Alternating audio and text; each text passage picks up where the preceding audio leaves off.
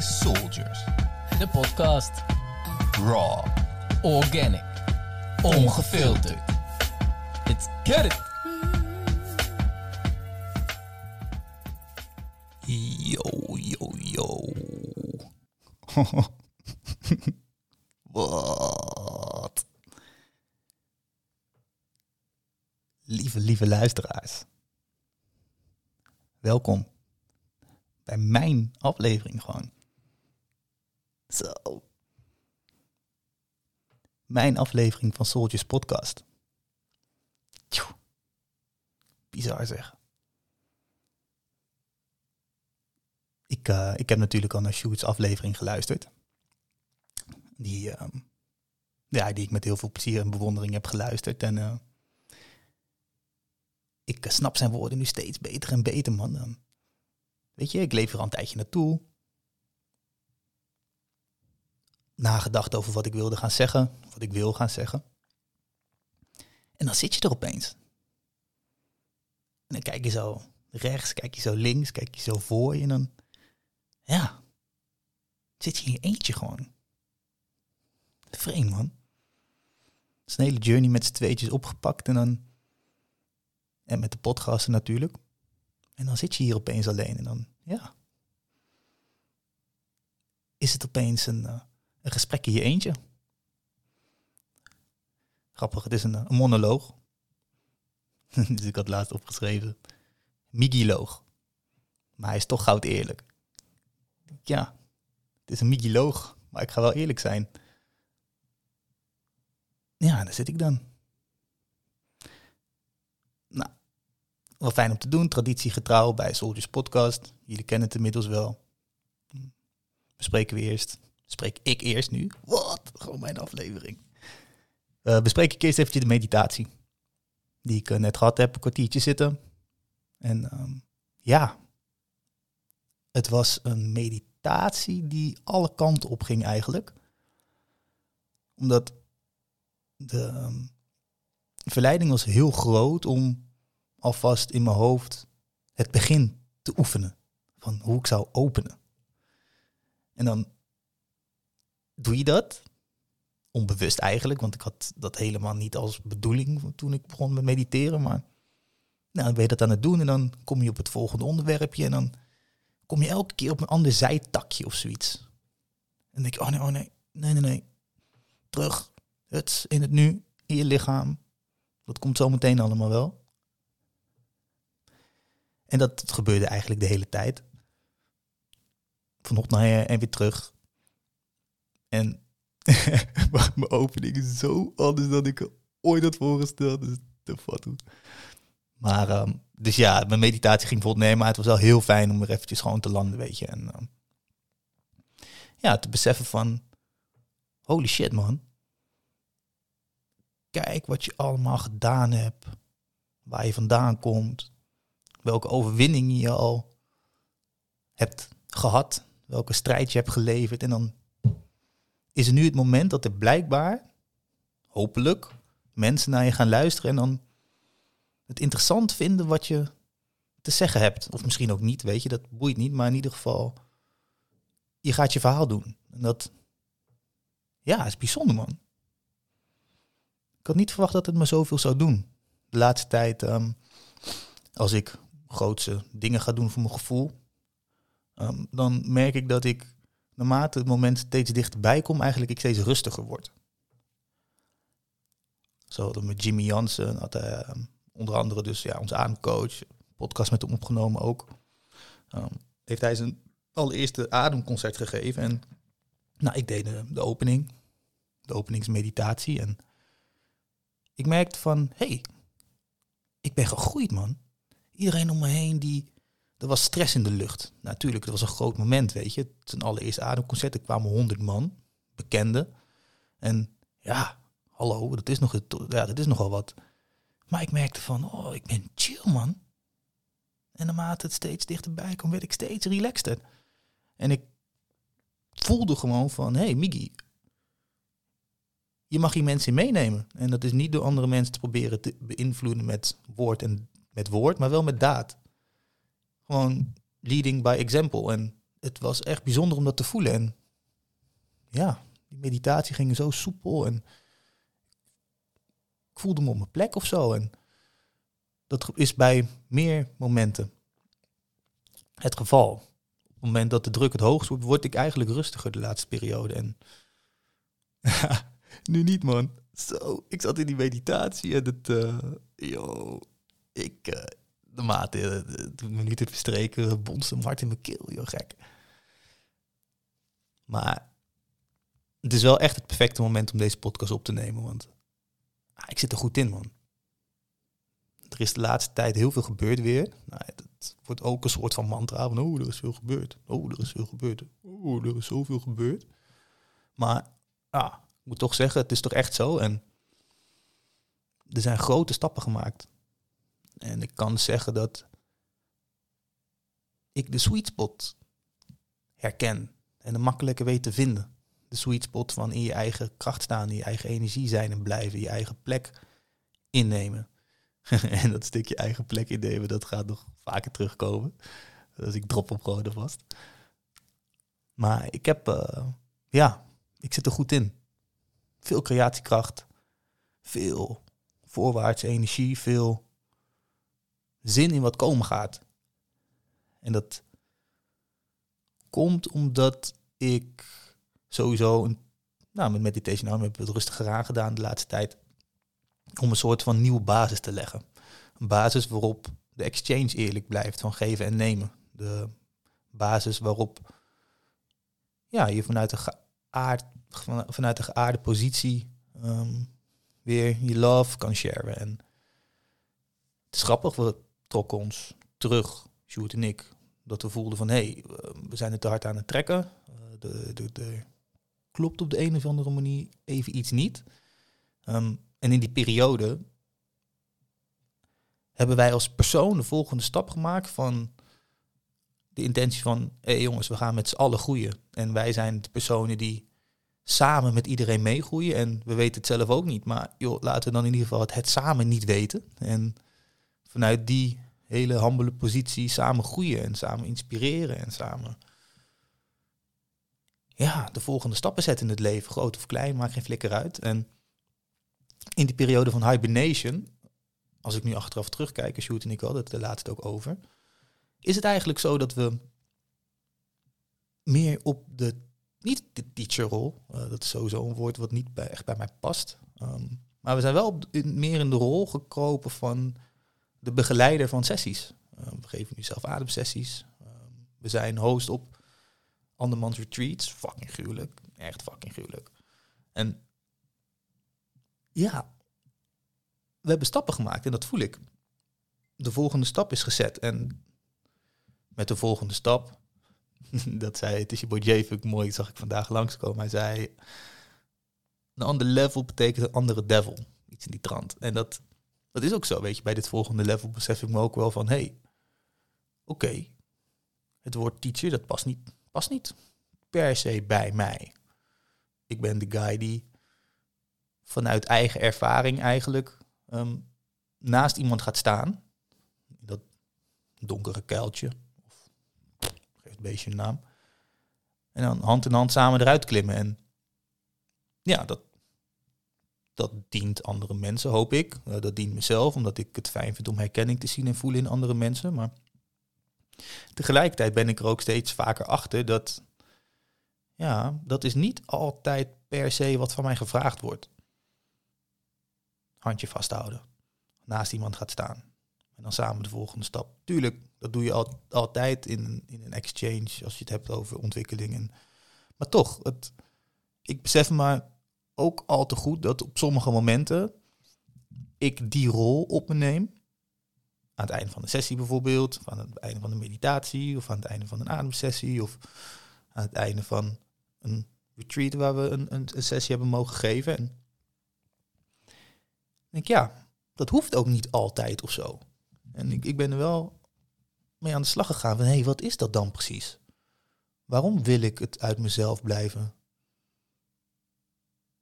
beredeneren? En waarom wil ik mezelf dan eigenlijk niet kleiner maken, maar wel een soort van stapje terug doen?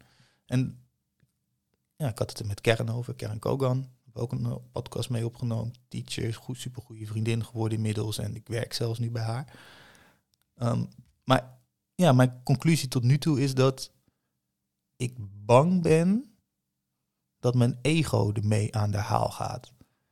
Ik ben bang dat andere mensen van mij denken dat ik meer in mijn ego ben gaan staan. Door in een teacherrol te stappen. De rol van niet per se dit is hoe je het moet doen. Maar wel van hé, hey, in zijn algemeenheid, dit zijn dingen die helpen. En natuurlijk, dat doe ik ook weer wel hoor, begrijp me niet verkeerd. Maar het is wel, het, is wel een besefmomentje. En, nou, dan kom je weer terug op wat is mijn plek dan? Weet je wel, wat past wel en wat past niet bij mij? In hoeverre ben je bang dat je andere mensen na gaat praten, weet je? En ja, ik zei het al. ehm, het is niet zo dat ik niet op die positie stap. Ik werk ook eh, tegenwoordig in de jeugdgevangenis. Bij een super dope stichting. eh, Jip. Oh nee, oh nee, oh nee, nee. Ze heette Joop inmiddels. Ze zijn van naam veranderd. Ehm, waarin ik... eh, nou, ik heb er nog maar één keer gewerkt trouwens hoor. Maar ik heb er wel gestaan en dat gaat ook veel vaker gebeuren nog. Maar in ieder geval in de zomervakanties dan... ehm, ja, hebben die vooral boys, maar ook wel dames. ehm, zitten ook eh, in de richtingen waar ze door elkaar zitten. Ehm, nou, in de schoolvakantie hebben ze geen school.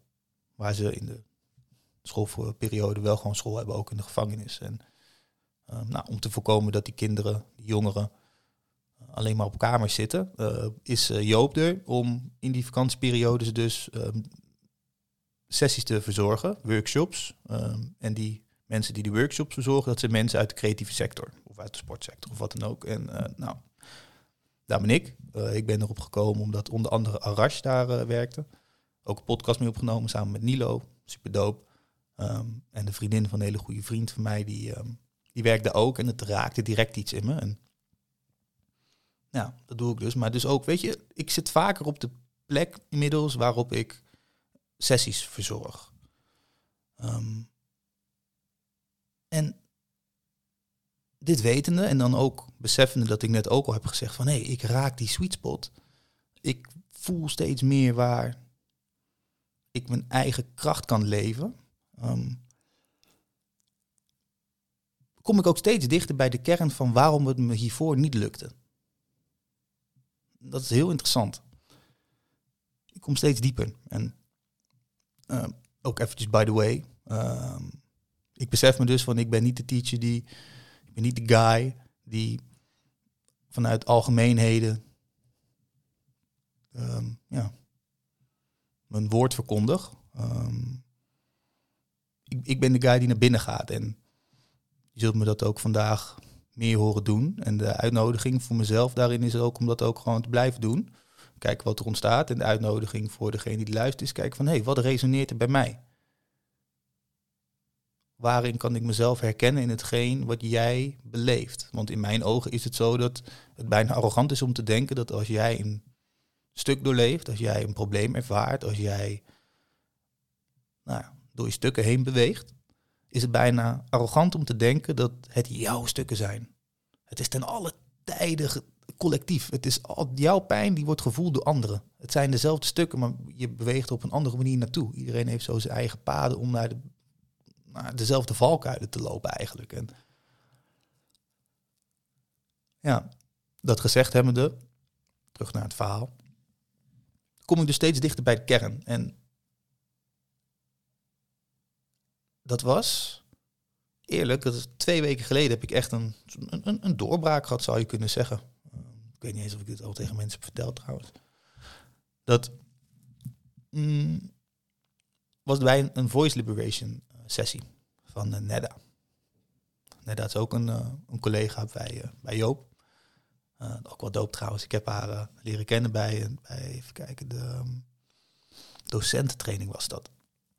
Ik kwam er binnen met, alle groep, met de hele groep docenten. nou, dat is, in mijn ogen hele inspirerende mensen die ja, vanuit een heel goed hart liefde en inspiratie willen um, verspreiden onder de jongeren die, nou ja, in, in, in, in zoveel verschillende opzichten weinig inspiratie, weinig liefde, weinig positiviteit op zich afgevuurd krijgen. Want die gevangenis, man, holy shit. Het is wel intens. Het is echt intens. Het is heel masculine. En ja, die, muurtjes die de jongeren hebben opgebouwd, die is zo hoog, die is zo dik, dat je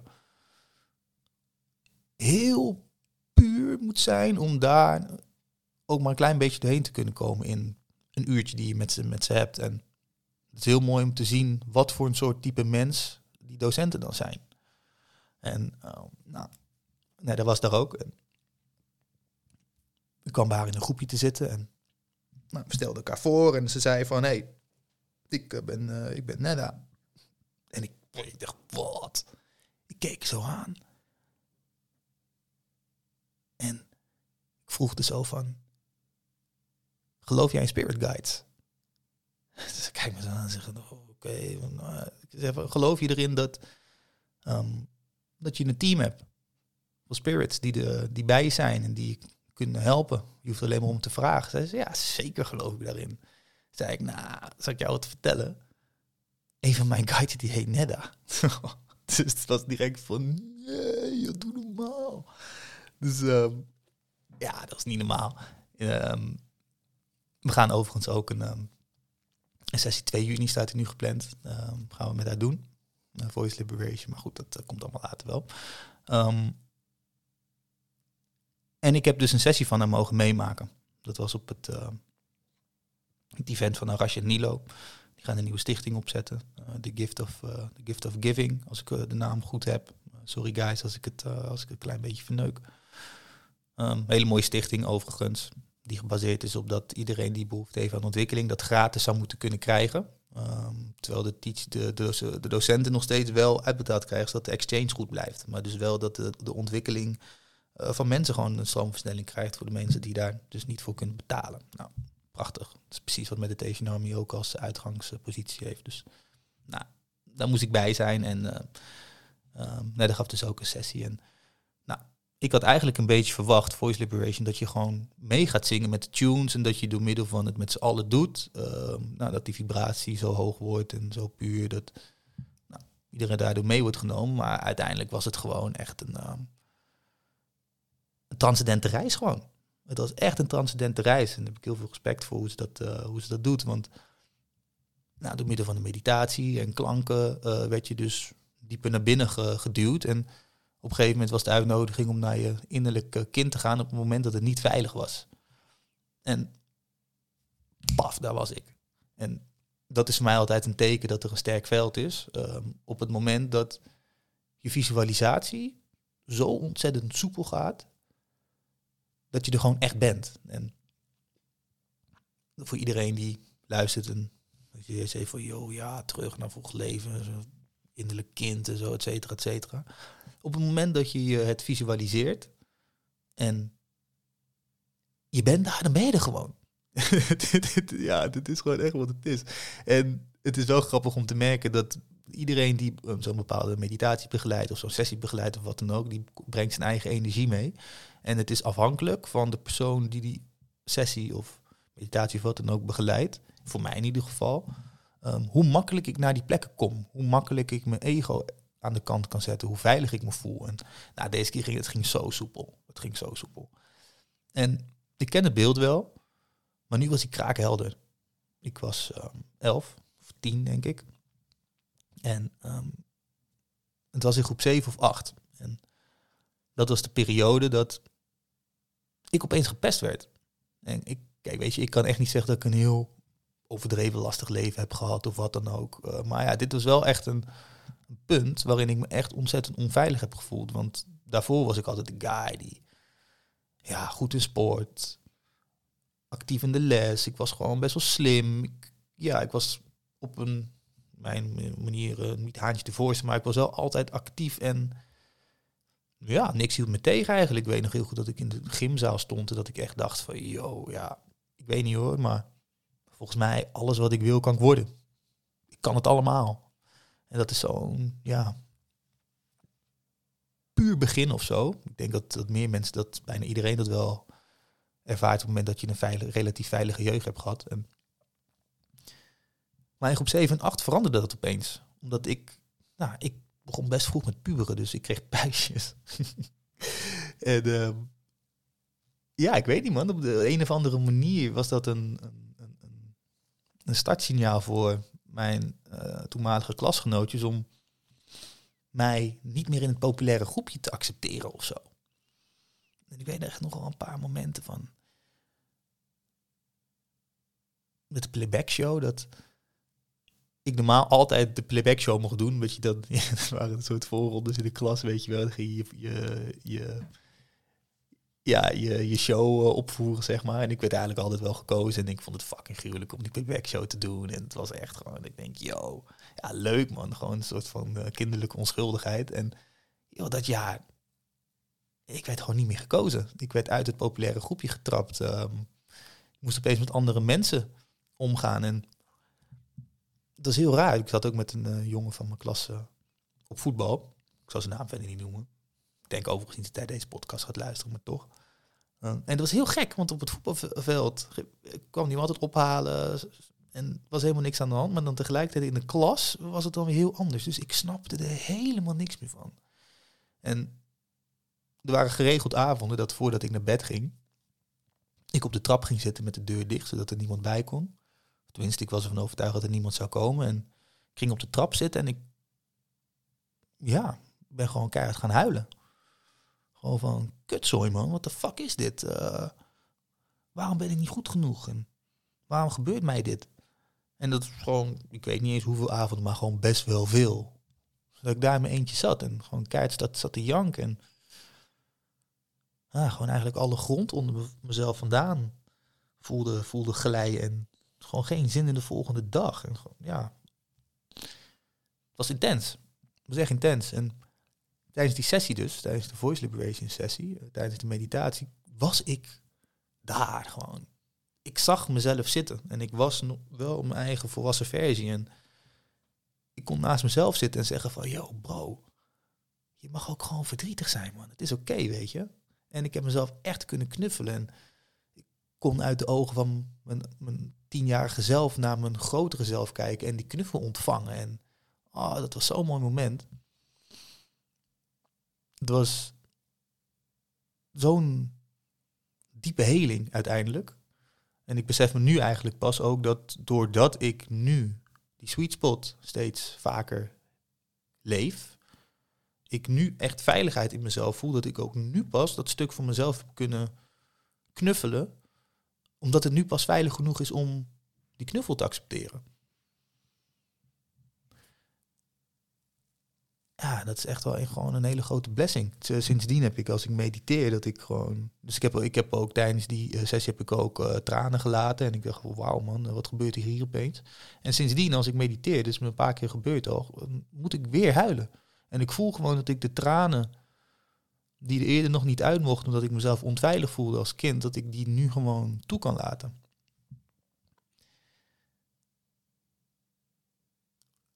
En ja, daar is best wel, best wel wat werk voor gedaan of zo. Want sindsdien, uh, sinds dat ik me zo onveilig voelde, nou het was in groep 8 uiteindelijk. En ik was heel blij dat ik naar de middelbare school kon, omdat ik dacht van, yo, weet je, uh, ik heb geen zin meer in, in deze flauwekul. Um, ik ga gewoon lekker naar een nieuwe klas toe en ik ga mijn ding doen, weet je. En uh, voetbal heeft, heeft, me heel erg bij geholpen overigens. Want ja, ik was wel ergens goed in en ik had wel een bepaalde status in het team altijd. En, um, maar tegelijkertijd besef ik me ook van, ik ben voetbal wel gaan gebruiken om die status te kunnen etaleren. En uiteindelijk is dat ten koste gegaan van mijn plezier. Want ja, als je, als je met voetbal dan een soort van versie voor jezelf kan zijn waar je trots op bent, dan moet je dat beschermen. En door er een beschermingslaagje overheen te doen, uh, gaat de speelsheid er vanaf. Gaat het ongedwongen er vanaf. En het is heel grappig als ik nu zo terugdenk. Ik was altijd een guy, uh, middenveld, spits, buitenspelen, trucjes oefenen op het pleintje en dan gewoon doen in het veld. En maar, gewoon heel onbevangen. Maar sindsdien ben ik ook een letterlijke linietje naar achter verschoven. Ik was opeens verdediger, behouden, fysiek, snel, taai. Um, omdat ik een bepaalde status wilde bewaken ook. En uiteindelijk heb ik op een, nou ja, relatief jonge leeftijd, ik denk dat ik 16, 17 was, 15 misschien al, een beetje het plezier in voetbal verloren. Uh, en ik denk ook wel dat het daardoor kwam. Hm. Maar ik heb dus altijd een bepaalde versie van mezelf laten zien waarin ik dacht van deze is accepteerbaar. Deze is, ja, mensen kunnen mij tolereren op deze manier. En ik leefde eigenlijk altijd vanuit de ogen van iemand anders. Ik paste me eigenlijk altijd aan naar de situatie, naar de persoon die ik tegenover me had. En ja, omdat ik erbij wilde horen. En dat ging goed hoor. Ging echt goed. Ik uh, koos mensen uit bij, wie ik me toch ook wel veilig voelde, weet je. En, uh, maar het was wel altijd zo van, hé, hey, wat zou diegene denken en hoe kan ik me daartoe verhouden? In plaats van dat ik van binnenuit naar buiten leefde, weet je. Het ging van buiten naar binnen. En ik heb zoveel verschillende versies van mezelf leren kennen en gezien, geëtaleerd, doorleefd. Ik heb gezien hoe mensen daarop reageren. En nou ja, zo werkt het natuurlijk. Op het moment dat je een bepaalde versie van jezelf laat zien, dan resoneert dat bij bepaalde mensen die die versie ook graag willen zien. Uh, waardoor je ook mensen om je heen verzamelt die eigenlijk niet echt bij je passen. Nou, zo is dat veel manieren gedaan. Um, en nu zit ik hier. En nu je ouder bent en je dat ziet, en je met een afstandje van kunt naar kunt kijken en door, nou, weet je, de afgelopen periode gewoon heel veel ontwikkelingswerk gedaan in, in mezelf en steeds gevoeliger geworden voor, nou, mijn eigen, ja, mijn eigen omweggetjes. Hmm. Is dat, is dat best intens, omdat al die versies, die zitten er nog steeds. En het woord ontwikkelen, nou dat is mooi, want je, ontwikkelt je, je, wordt, je gaat verder in het leven, maar er zit ook het, het, stukje ontwikkelen in. Al die verschillende versies van mezelf, die mag ik weer af gaan wikkelen. En ja. Je hebt vier fases van ontwikkeling. Zit ik nu opeens te denken. Je hebt vier fases van ontwikkeling. Um, dus je leeft je leven, bent je dingen aan het doen, weet je. Je bent, uh, weet ik veel, je hebt, je hebt onbewust wel dat je op bepaalde plekken of momenten leegloopt en soms ben je moe en dat soort dingen. Maar goed, um, dan ben je onbewust onbekwaam. Je denkt dat je gewoon je ding doet. Je bent ogenschijnlijk happy. Je hebt zoiets van, nee, het gaat toch allemaal goed. Maar stiekem, in de onderstroom, zijn er dingen van, hey, hier mag je eigenlijk wel gewoon naar kijken, man. Want als je deze dingen oplost, zal het allemaal veel makkelijker, soepeler gaan. Zul je steeds meer mensen om je heen verzamelen die wel echt daadwerkelijk bij passen. Maar goed, je bent onbewust, onbekwaam. Dus je weet het gewoon nog niet. Dan gebeuren er bepaalde dingen in je leven. Bepaalde spiegels. Misschien overlijdt er een familielid. Uh, misschien krijg je ruzie met je vriendin. Misschien reageert iemand op jou waarvan je dacht van, maar zo bedoelde ik iets helemaal niet, weet je wel. Uh, je voelt je niet gezien. En opeens wordt het duidelijk van, holy shit. Ik doe dingen waar ik gewoon niet blij mee ben, waar ik zelf niet achter sta. En ik blijf het doen. Wat gebeurt er? En je wordt bewust onbekwaam. En oh, dat is een kutperiode. Want opeens zie je dus alle stukken in jezelf waar je eigenlijk gewoon niet blij mee bent. Met andere woorden, het past gewoon niet bij jou. Het zijn stukken die aan je zijn blijven kleven door anderen of door jezelf of wat dan ook. En je denkt, holy shit, ik moet me hiervan ontwikkelen. Ik wil ontwikkelen. Come on. Maar om bij het oog van de storm te komen, moet je eerst door steeds hardere wind. Oh, that's a bitch, man. Dat is echt een bitch je bent aan het struggelen, je loopt. Oh, die stok wordt gewoon zwaarder. Met andere woorden, er wordt, je wordt steeds bewuster eigenlijk van alle punten waar je niet tevreden mee bent. En even dat op mezelf eh, betrekken. Ehm, ik ben wat dat betreft een beetje een dolfijn. Die past zich ook altijd aan naar een omgeving. Gewoon veel water zitten in me. En onder andere.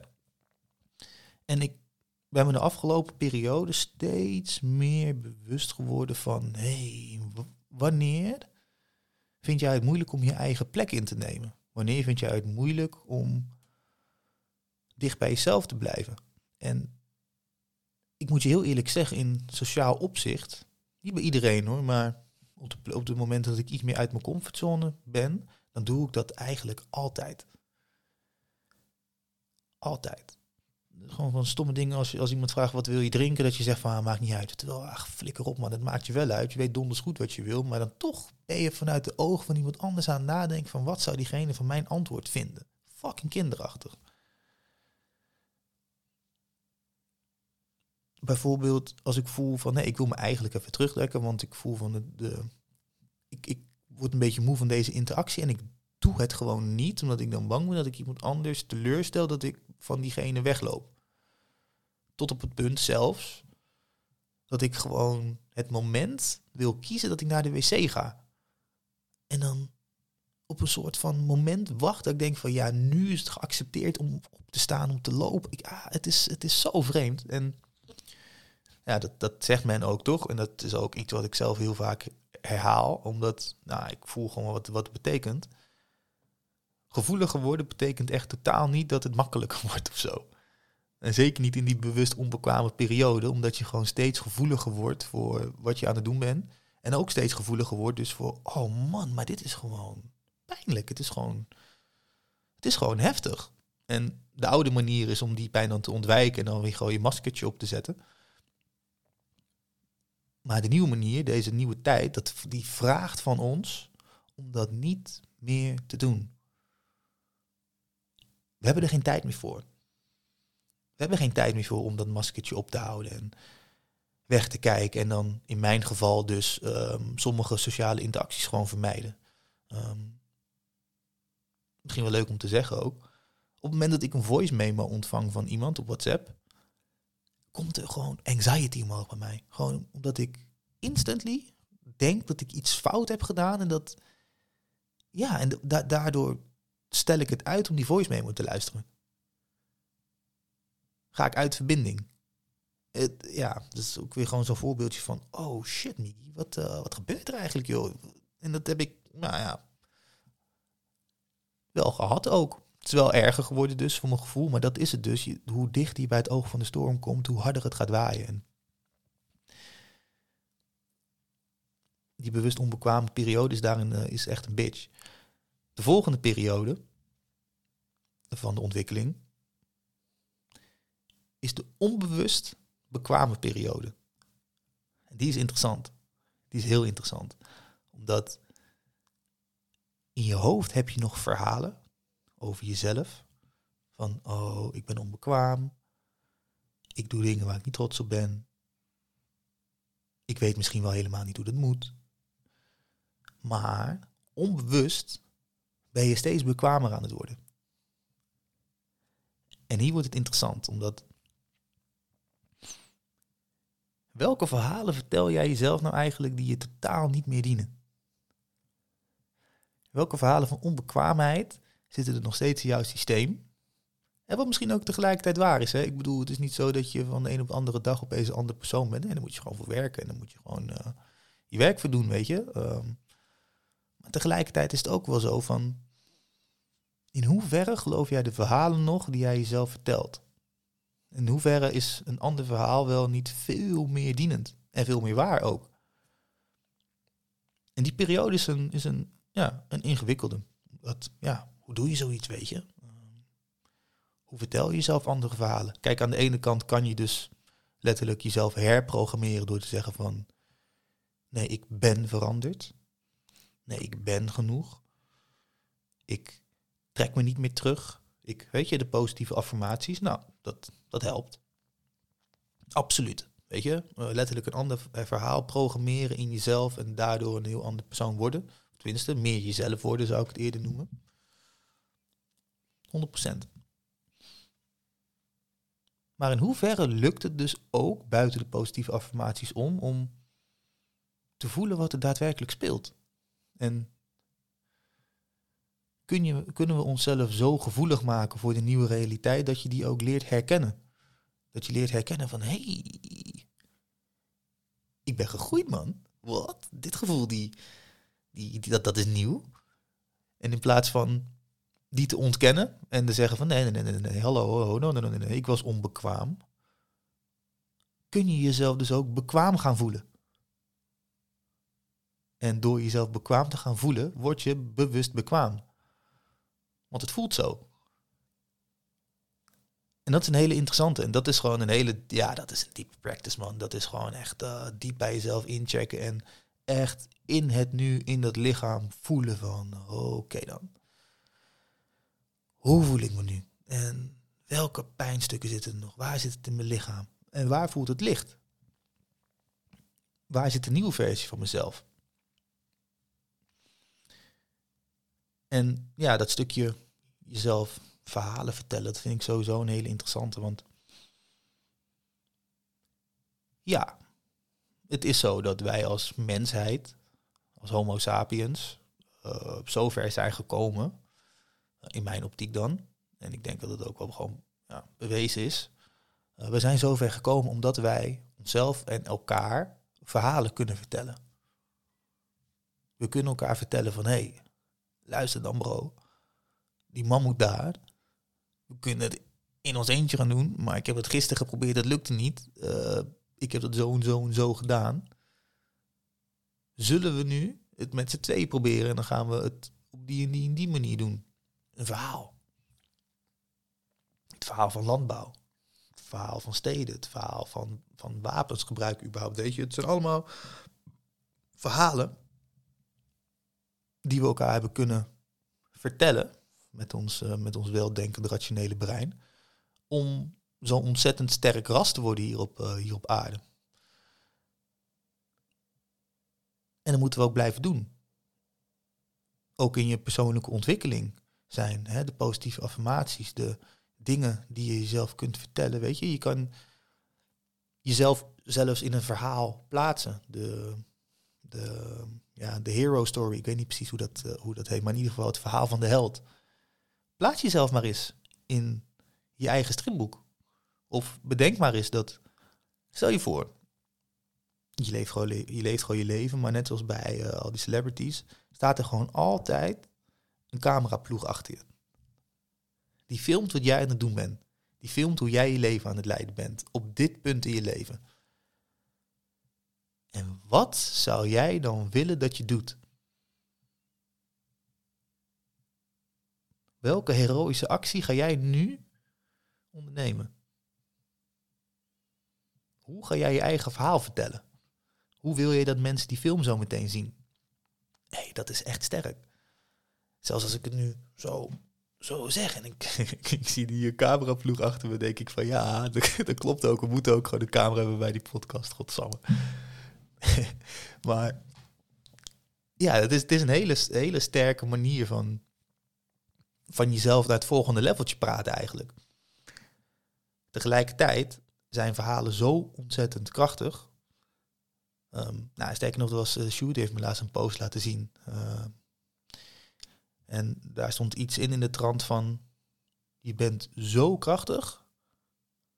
dat als je denkt dat je niet krachtig bent... dan ben je het ook niet. Ja, dacht ik, ja... Ja, man. Ja, 100% man. Die, was echt gruwelijk. Maar... Dus tegelijkertijd de verhalen die we onszelf vertellen, die kunnen ons ook echt tegenhouden. En in mijn ogen begint het allemaal bij de ervaring. Uh, dat is de teaching die ik heb ontvangen bij Vipassana. Elke gedachte die in jouw hoofd wordt gevormd, die is gebaseerd op een sensatie uit je lichaam. Je voelt een bepaalde sensatie, een bepaalde prikkel, prettig of niet prettig je onderbewuste die heeft een reactie op die prikkel. Dat gaat zo snel, daar heb je totaal geen invloed op. Zogenaamd geen invloed op. Hoe gevoeliger je wordt, hoe meer dat wel, dat wel zo is. Um, en vervolgens op die, uh, ja, die reactie wordt een gedachte, het wordt een reactie, het wordt een handeling, het wordt een gedachte, het wordt een woord. En daar kunnen we soms ja, slachtoffer van zijn. Vaker dan we denken. En ik denk dat dat voor uiteindelijk iedereen um, echt gewoon een hele grote uitdaging is. En het maakt dan het maakt echt geen flikker uit hoe ver je denkt uh, te zijn in het pad van ontwikkeling. Maakt geen flikker uit. Maakt niet uit hoeveel sessies je begeleid hebt, hoeveel mensen je hebt geholpen, hoe andere mensen naar je kijken. Het blijft ten alle tijden de uitdaging om eerlijk te zijn in het moment. Volledig eerlijk. Volledig eerlijk te zijn naar het moment. Met andere woorden, vo- volledig eerlijk zijn in hetgeen wat er speelt in jouw lichaam. Want jouw lichaam is altijd in het nu. Jouw lichaam die kan niet anders. Je hoofd die kan je echt heel vaak in de maling nemen van oh nee, we zitten stiekem in de toekomst. Oh nee, ik zit stiekem weer in een stuk van het verleden. Oh, al die verhaaltjes. Ze kunnen kloppen, maar het is in principe niks anders dan een verhaal. Als je het hebt over, de, over het verleden is het een verhaal. Als je het hebt over de toekomst is het een verhaal. Want het is gewoon niet wat er nu speelt. Heel simpel. Het is gewoon niet zo. Dus in hoeverre zijn we in staat om ook die verhalen los te kunnen laten? In hoeverre zijn we in staat om de ervaring de ervaring te laten? Voordat we er direct een verhaal van maken. En ja, dat is misschien een beetje cryptisch. Maar het begint echt bij die ervaring. En soms is een, een, spirituele, eh, spirituele practice ook...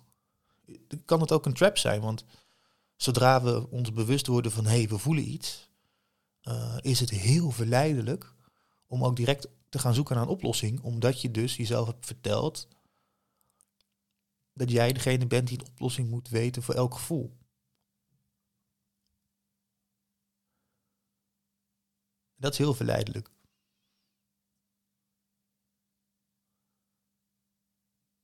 Zeker als je het bij jezelf gaat doen. Het kan, het kan zo zijn hè, eh, dat je snel duiding hebt gevonden bij, bij, een, bij een ervaring, bij een gedachte. Dat die binnenkomt en dat je iets binnenkrijgt van spirit. Dat je er iets mee mag doen. Inspiratie. Of als je pijn ervaart of in een ruimte bent waar je het niet veilig voelt, weet je. eh, ja, kunnen heel snel van die verhalen opkomen. ik zal niet degene zijn die dat eh, veroordeelt. Sterker nog, ik heb dat zelf ook. Alleen ik merk bij mezelf dus ook van, ja, in hoeverre kan ik soms ook eens een keertje die reactie uitstellen? Die quick fix. Dat als je je slecht voelt, dat het, dat het altijd maar snel opgelost moet worden of zo. Om- omdat je een sterke practice bent, omdat je veel werk hebt gedaan, omdat je vaker op de rol van begeleider zit. Nee, dat hoeft niet. In hoeverre kan je de ervaring ook eens een keertje de ervaring laten en eens een keertje wel kopie onder zitten. En die heb ik ervaren vorig jaar. Dat was, eh, ja, ik, ik trapte een beetje in de valkuil van, ja, te veel geleid worden door die anxiety stukken, te veel geleid worden door de ogen van anderen. En ik was leeg. En eerlijk, eh, het was in de zomer, het was hartstikke lekker weer buiten. Ik had in principe heel veel zin in dingen, maar ik, ik was gewoon op, man. En ja, ik had geen idee hoe lang dat zou duren. Geen idee. Ik zat echt even kopje onder. En het was heel moeilijk om dan op zo'n moment te denken van oké, ik ga gewoon ademhalen en ik blijf dat gewoon doen zolang het duurt en het wordt vanzelf beter. Want dat is wel hoe het werkt, weet je. Op het moment dat je niet op een primaire eh, emotie reageert, dan ehm, is het zo wetenschappelijk bewezen, na 90 seconden is, die, die eh, primaire emotie is, is die is weg. En dan komen de secundaire emoties waar we aan vasthouden. De verhalen. En ehm, ja, op zulke momenten lijkt het ook gewoon lang te duren, weet je. Het lijkt eeuwig te duren. Dat is mooi. Eh, Amos, die, ehm, die woont op, eh, in, in ook bij Avalon, waar Sjoerd ook woont, samen met eh, Ruby en, en Jasper. En ehm, ik weet niet precies bij, het was bij de type, Tibetaanse shamaan, een Tibetaanse vorm van, van Reiki, als ik het goed heb. Ook weer, sorry guys als ik het niet helemaal goed heb. Maar die kon neerzetten, die kon een veld neerzetten van het positieve en een veld neerzetten van het negatieve. En nou, dan kan je, volgens mij was het Amos die vertelde dat. Ehm, nou, stond je gewoon in het midden en die kon gewoon erin staan. Eh, als je naar rechts stapte, dan was het, eh, stond je in het positieve veld. Nou, dat voelt natuurlijk fantastisch, helemaal uh, hotel de boot over liefde op jezelf, liefde hier en daar. En nou, dat was gewoon, is gewoon top. Ehm, Maar vervolgens stapte die in het negatieve stuk. En ik ga niet zoals een woorden herhalen. Ik heb geen zo goed als mijn geheugen ook niet. Maar ik weet nog heel goed, en dit is me heel erg bijgebleven, dat hij zei van... Het leek alsof ik niet meer terugkom. Het leek alsof ik daar voor eeuwig zou moeten gaan staan. En dat raakte een, een kernpunt voor mij. Want zo ervaar ik het ook. Op het moment dat je je slecht voelt, in een negatief stuk zit van jezelf, dan lijkt het gewoon niet op te houden. En ik denk dat het universeel is. Laat me het zo zeggen. Ik ken heel veel mensen die dat hetzelfde ervaren. Van ja, het lijkt gewoon alsof je er niet uitkomt. Terwijl als je door blijft ademen, dan zal die energie ook vanzelf weer weg appen. En ja, dat heeft me wel geholpen. En ik moet eerlijk zeggen, um, door, dat, door dat te doen, en ik heb, ik heb echt mijn lessen uitgehaald, ik begrijp me niet verkeerd, dat is eigenlijk het hele stuk wat ik net heb, heb uitgelegd uh, over het stuk van meer in mijn eigen, ja, meer in mijn eigen ruimte en meer gewoon ja, in, in mijn eigen geaardheid blijven, blijven zijn, zeg maar. Uh, dat, dat is, dit was zo'n grote les voor mij, zo'n grote les. Maar ik weet wel dat als ik er tegen ging vechten, dat het langer zou duren. Helemaal onderdompelen. En ja, pijn is dan zo'n pijn, ongemak is dan zo'n zo'n grote meester als je die helemaal kan toelaten en, uh, en omarmen. Omarm die demonen. Ga niet met ze vechten, weet je. Uh, dat is um, de teaching van Henri met, medi met zijn medicijnwiel. De, de warrior, met de, de met de teacher en de, de healer met, sorry hoor, warrior, healer, medicine, ah, ik, ik weet het niet eens meer. Maar in ieder geval, het begint bij de warrior. sorry Harry. Het begint bij de warrior, die kom je als eerste tegen. En um, ja, je mag ze omarmen, man, je demonen. Want die ga je tegenkomen. En daar ga je mee uh, mogen worstelen. En het, uh, het worstelen is, is een knuffel, je mag ze omarmen. En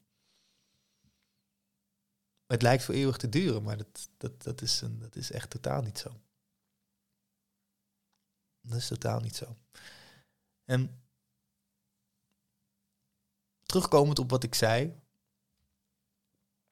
van, ik weet niet of, tenminste, ik ben zoekende naar de versie van begeleider um, die sessies, meditaties, workshops um, begeleidt. Omdat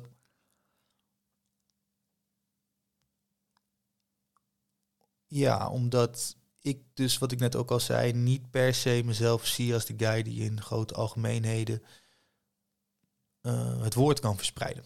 Dat tot nu toe resoneert dat iets minder bij mij, denk ik. Ik ben de guy die inzoomt.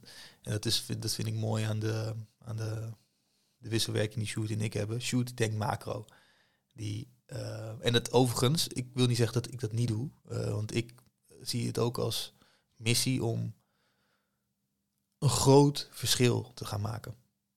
Een groot verschil te maken in de wereld. Door een andere vibratie uit te zenden. Die gewoon een grote invloed heeft uiteindelijk op, op, op het grote geheel, op het collectief. Weet je, uh, dat is mijn missie, dat voel ik aan alles. Die, daar draag ik mijn steentje aan bij.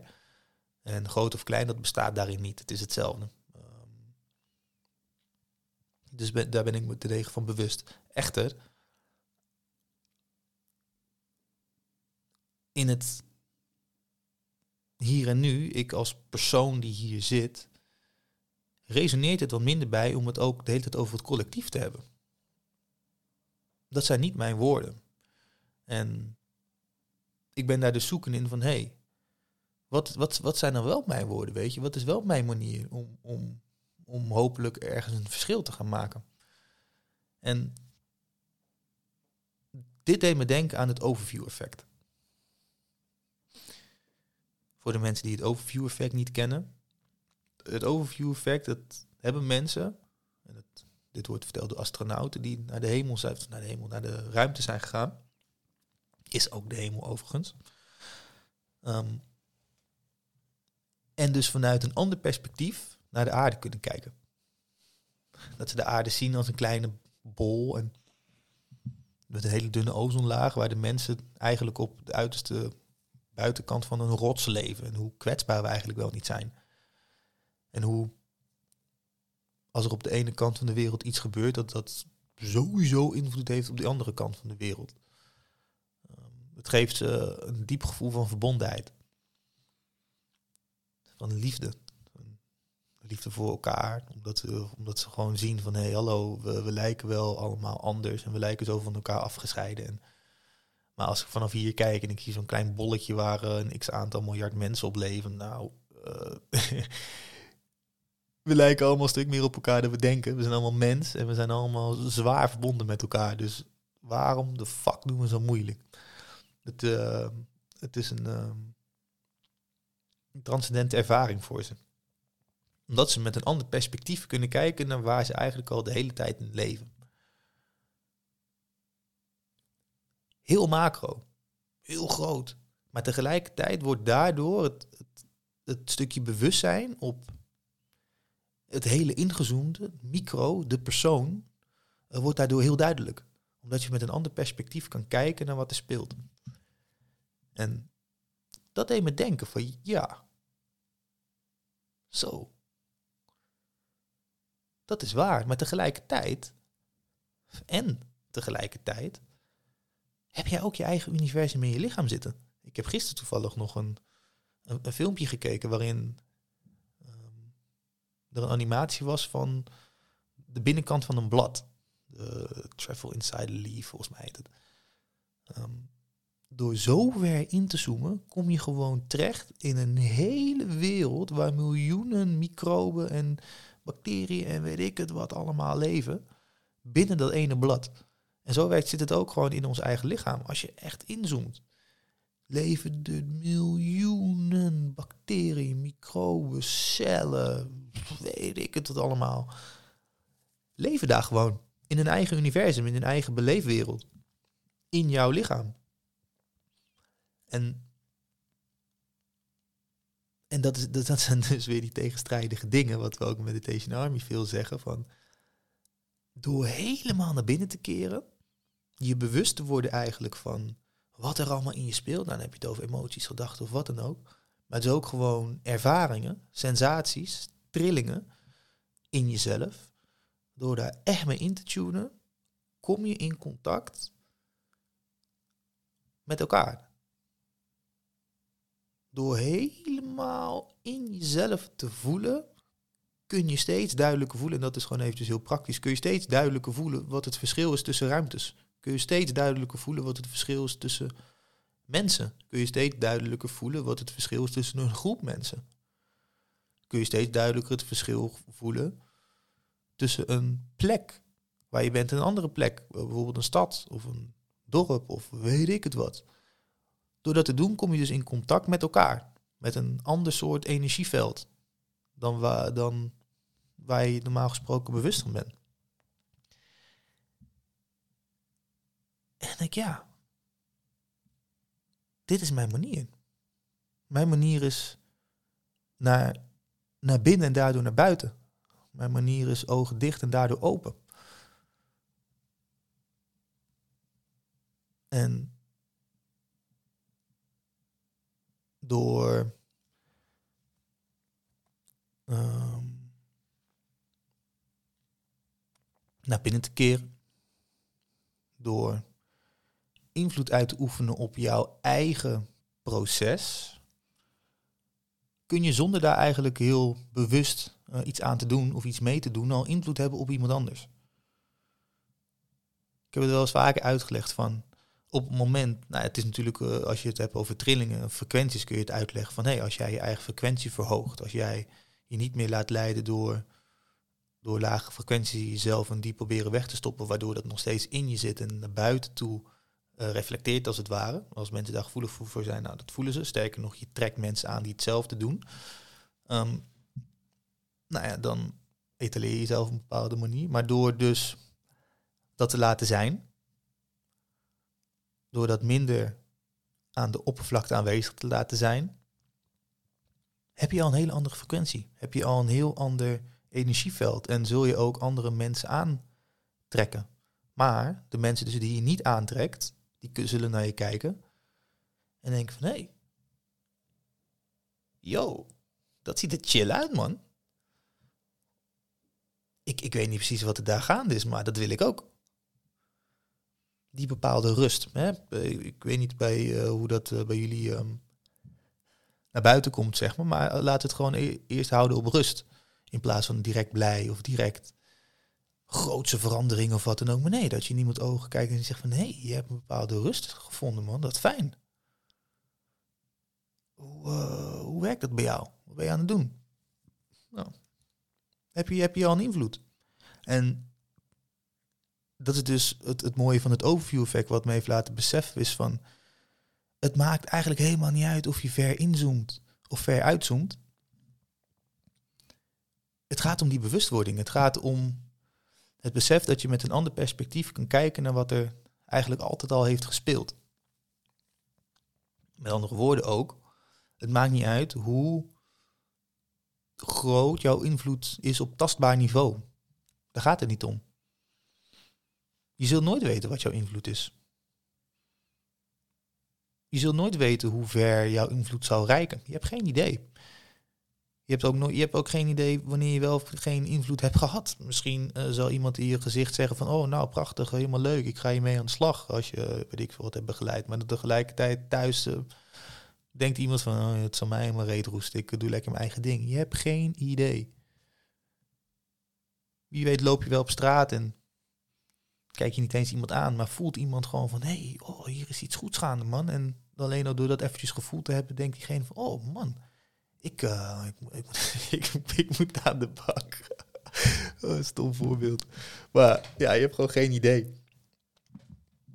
Dus terugkomend op van, hé, hey, wat, is mijn, wat, wat is mijn rol nou eigenlijk? Ehm, mag ik daar ook gewoon meer op vertrouwen, denk ik. Ehm, ja, mag ik dat gewoon blijven doen en tegelijkertijd niet bang zijn voor ja, om als het ergens ook wel goed voelt, om dan toch het op een andere manier te verwoorden, weet je. Dat, eh, op het moment dat ik dat voel, mag ik dat gewoon blijven doen. En dat stukje vanuit een ander perspectief bekijken, zeg maar. Het is gewoon, het is heel fijn en heel goed om jezelf in balans te houden. Jezelf in balans te houden door eigenlijk te werken met opposites, met, tegen, met tegenpolen als het ware. En ik zie dat, ik zie dat een beetje als als je op een, eh, een koord staat, een evenwichtskoord. Dus gewoon een touw waar je overheen loopt tussen twee gebouwen met, eh, met, met zo'n stokje in je hand. Het is gewoon onmogelijk om volledig in balans te zijn. Als je wilt bewegen in ieder geval. Op het moment dat jij in beweging wilt komen, dan zul je jezelf in balans moeten gaan houden. Wat helemaal niet erg is, dat hoort erbij, weet je. Ehm, een vriendin die zei een tijdje geleden ook tegen me van, nou, ik geloof niet in balans. Ik geloof niet dat wij als mens ooit, ooit in balans zijn of horen te zijn. Het is altijd de, de zoektocht naar. Wij als mensen die in de dualiteit leven, weet je, dat het de zoektocht naar in balans zijn. En ja, eerlijk, natuurlijk, je komt altijd op een punt dat je wel in balans bent en dat je gewoon voelt van, hé, hey, dit is die sweet spot waar ik het net over had. Maar dan tegelijkertijd hoort het erbij dat je schommelt. Ik bedoel, een boom die is ook niet eh, voor niets aan het meebewegen met de wind. Nee, dat moet wel, weet je. Als je niet meebeweegt, dan knak je gewoon, heel simpel. Hetzelfde met wolkenkrabbers. Die hebben ook gewoon eh, veel speling. ja. En zeker als, eh, als jij daar aan de andere kant van, het, van de eten, als grote speler, als wolkenkrabber. Ja, je gaat mee moeten bewegen, man. Dus laten we ook alsjeblieft niet in de war raken van dat je van links naar rechts aan het deinen bent. En dat bij harde wind dat je ook gewoon ver mag meebewegen, weet je. Het, het hoort erbij. Zodra je maar, als die wind is gaan liggen, jezelf de ruimte geeft om ook weer gewoon rustig naar, dat, naar die sweet spot, naar het midden, naar balans toe te bewegen. En jezelf niet blijven vertellen dat het blijft waaien als het niet zo is. En ik was eh, begin van dit jaar, in januari, met, eh, met Jolijn mee naar haar retraite. Element Retreat. Ook een podcast mee opgenomen met Jolijn trouwens. Ja joh, wij, wij gooien al onze bekend in de podcast. Gruwelijk. maar, ehm, dus, en, uh, nou, dus een yoga retreat. Ik heb daar mijn allereerste ademsessie gegeven voor de groep. Nou, daar ga ik er niet helemaal over hebben, wat een ervaring. Mm. En ze geeft ook Ayurveda. En met Ayurveda werken ze, werken ze ook heel erg met kijken hoe je die balans kunt opzoeken. Uh, je hebt dan drie verschillende types. Overigens, ik ben echt niet de guy die Ayurveda moet uitleggen hoor. Dan moet je maar de vorige podcast luisteren. Daar uh, komen we er meer op terug. Aflevering 23 volgens mij in mijn hoofd. Maar je hebt drie types, Vata, Pitta en Kapha. Kapha, dat is meer aarde, dat is meer traag. Pitta, dat is vurig meer. Ook meerdere hoor, maar onder andere vooral vuur. Ook een beetje aarde, geloof ik. Um, en uh, Vata, dat is lucht. En ik heb dan bijvoorbeeld veel Pita. En Kapha. Met andere woorden, ik ben een vurige guy. Nou, dat klopt op zich wel. Ik heb veel vuur in me, maar ik heb ook veel aarde. Um, op het moment dat ik hier op de bank ga zitten en ik uh, chap een pastaatje of zo, of een broodje, nou geloof mij maar, ik ben zwaar en ik heb uh, weinig vuur in me hoor. Ik, ik zit op die bank en pff, als ik niet oppas, dan kom mijn knieën vanaf. dus zit ik, dan zit ik echt in, in, mijn kaffa. En het is de vraag van hoe kun je dus met tegenpolen, door middel van eten of olies of überhaupt lifestyle, ervoor zorgen dat je niet te veel in die kaffa schiet. Hoe kun je ervoor zorgen dat je aarde wordt, wordt in balans wordt gehouden door lucht of door vuur? Nou, dat is heel mooi, daar kan je verschillende dingen voor doen. ik ga nu niet zeggen wat het allemaal is. maar, en, en zo werkt het met meer dingen. Uh, en dat, hoe ik het in ieder geval ervaar, is hier ook het overview effect heel erg van belang. Van hey, kun je uitzoomen? En kun je vanuit een ander perspectief, kun je vanuit een andere dimensie, kun je vanuit een ander beeld naar jezelf kijken en kijken van hé, hey, waar, waar zit ik op die schaal van balans en waar kan ik mezelf dus naartoe trekken door met een tegenpool te werken? Bijvoorbeeld, en dat vond ik zelf eigenlijk best wel een eye-opener. Er zijn heel veel verschillende manieren van mediteren. Logischerwijs, weet je, er zijn zoveel manieren. Um, maar je hebt introspectie als twee grote pijlers, zeg maar. En je hebt outrospectie. Geen idee, maar je hebt in ieder geval de binnenkijken en je hebt de buitenkijken. Op het moment dat Hey, daar komt Rosanne de kamer uit. Yo. Um, en dit is eventjes een voorbeeldje voor mezelf. Uh, ik ben iemand die, als ik op straat loop, eigenlijk best wel gefocust ben op wat er in mij speelt. Hoe ik me voel, hoe ik me voel bij andere mensen als ze langslopen, hoe ik me voel, überhaupt, gewoon hoe ik me voel. En dat is soms best wel vermoeiend. En ook niet, niet helemaal, als je het hebt over balans, niet helemaal in balans. Omdat, nou ja, uh, Rosanne die zal het beamen, ik ben echt fucking slecht met dingen zoeken bijvoorbeeld. Ik zie het gewoon niet. Als er iets voor mijn neus staat, kan ik er gewoon zo overheen kijken. En dat is niet één keer gebeurd, dat gebeurt elke dag. Elke dag. En hoe komt dat? Omdat ik daar niet op gefocust ben.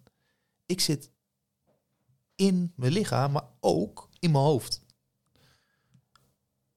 weet je, dat als je eenmaal hier, uh, als je eenmaal binnen bent, dan is er soms een verdiepingje hoger. Uh, ja, die heb je zo gevonden. En het is dan een hele goede practice om met je meditatie eens een keertje te focussen op wat buiten speelt. Of überhaupt als je over straat loopt. Ik had het vandaag nog.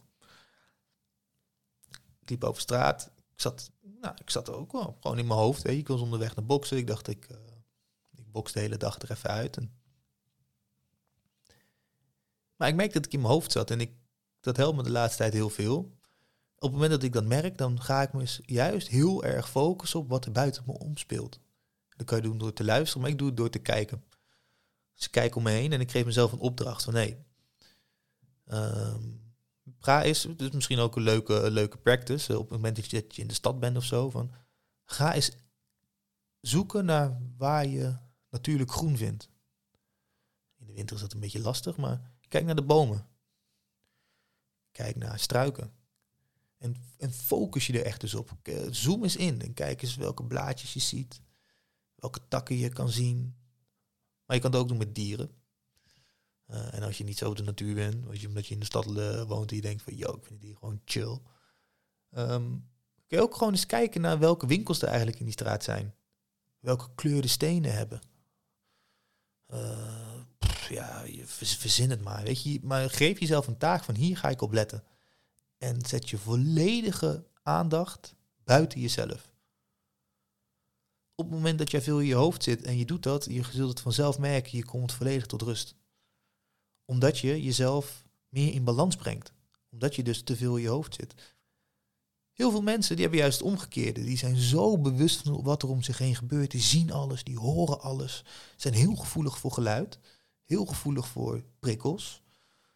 Ehm, weten, altijd, weten altijd waar alles ligt. Ook chill hoor. Ik heb ze niet meer echt nodig man. Maar voor die persoon is het juist de practice van... hey, ga eens juist wat meer observeren wat er in je speelt. Ga eens meer de introspectie in. En nou, zo kun je jezelf dus enigszins in balans houden. En voor mij is eh, de overview effect hier ook weer van toepassing. Want in hoeverre lukt het om als je ergens in zit, lukt het je, in hoeverre lukt het je om ook even uit te zoomen? Om afstand te nemen. Om die observerrol op je te pakken. Om helikopterview te gaan gebruiken. En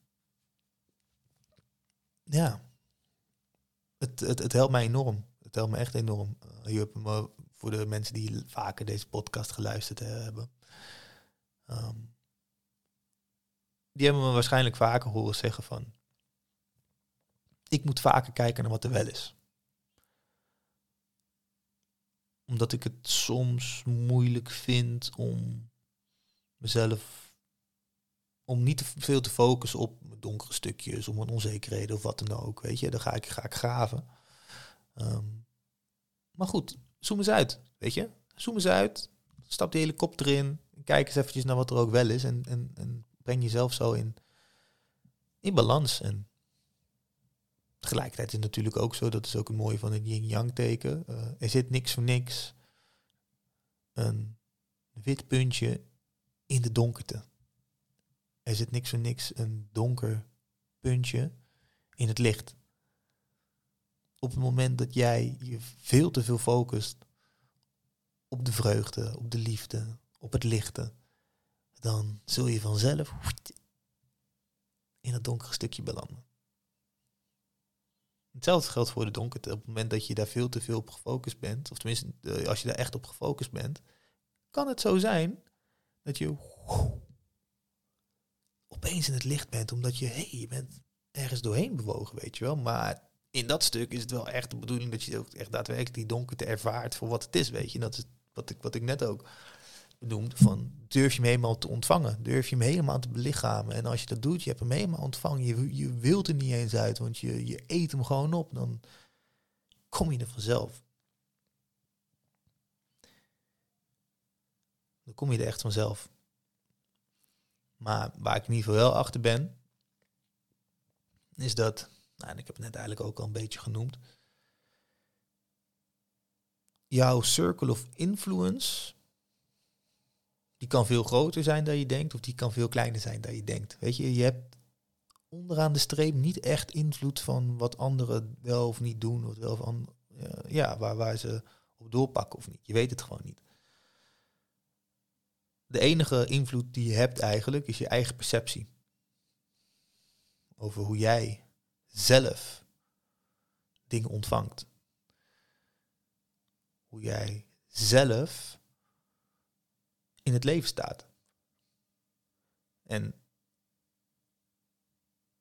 ik heb hier ja, de laatste periode grote lessen in geleerd. Um, want ja, ik, ik, weet wel ik weet het natuurlijk wel. Ik uh, ben me ervan bewust.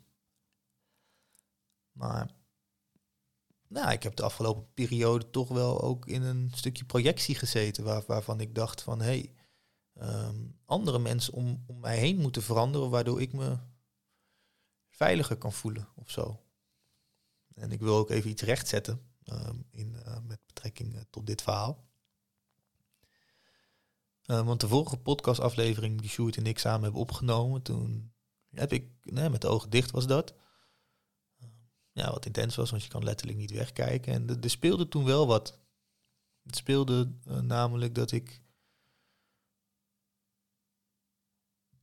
toch meer dan ik dacht judgment had. Judgment op hoe ik het toen en nu noem. Om maar eventjes in dualiteit te praten, want dat, dat maakt het makkelijker uitleggen. De spirituele wereld. Omdat ik denk te zien of denk te voelen dat mensen elkaar ook wel veel napraten. Dat er een bepaald jargon gebruikt wordt en door dat jargon te gebruiken, uh, in woord, in daad, in kleding, uh, dat je eerder geaccepteerd zult worden in, in bepaalde kringen.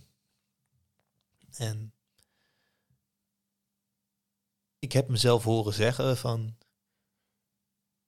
ik voel wanneer dat wel of niet authentiek is en doordat ik dat voel, vind ik het, ja, laat, laat me daarop houden. Dat ik denk te voelen dat het, of het wel of niet authentiek is.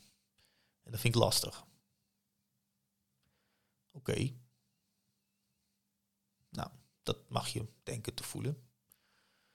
Um, maar wat ik vervolgens daarin wel vergeten ben, is van, hé, hey, waar, waar, waarom raakt het je eigenlijk, weet je? Waarom maakt het je uit? Want sommige dingen die nou ja, bijvoorbeeld, ik was uh, de, zomer nadat ik Rosanne had ontmoet, waren we, uh, was in mei. En het volgende jaar in mei waren we ook weer daar op dezelfde plek, hetzelfde festival. Toen hadden we inmiddels een relatie. En ik weet nog heel goed dat er een meisje zei tegen, tegen haar, volgens mij, van... Huh? Gaat Rosanne met hem? Met die guy? Zij is toch veel te mooi en veel te zus en veel te zo. En ik, ik hoorde dat en ik, ik dacht, yo, het boeit me helemaal niks. Het boeit me helemaal niks dat ze dat zegt. Het raakt me gewoon nul. Wat heel fijn was om te merken. Um, dat ik dacht van ja, nee, nee man. Ik, uh, ik sta daarboven, weet je.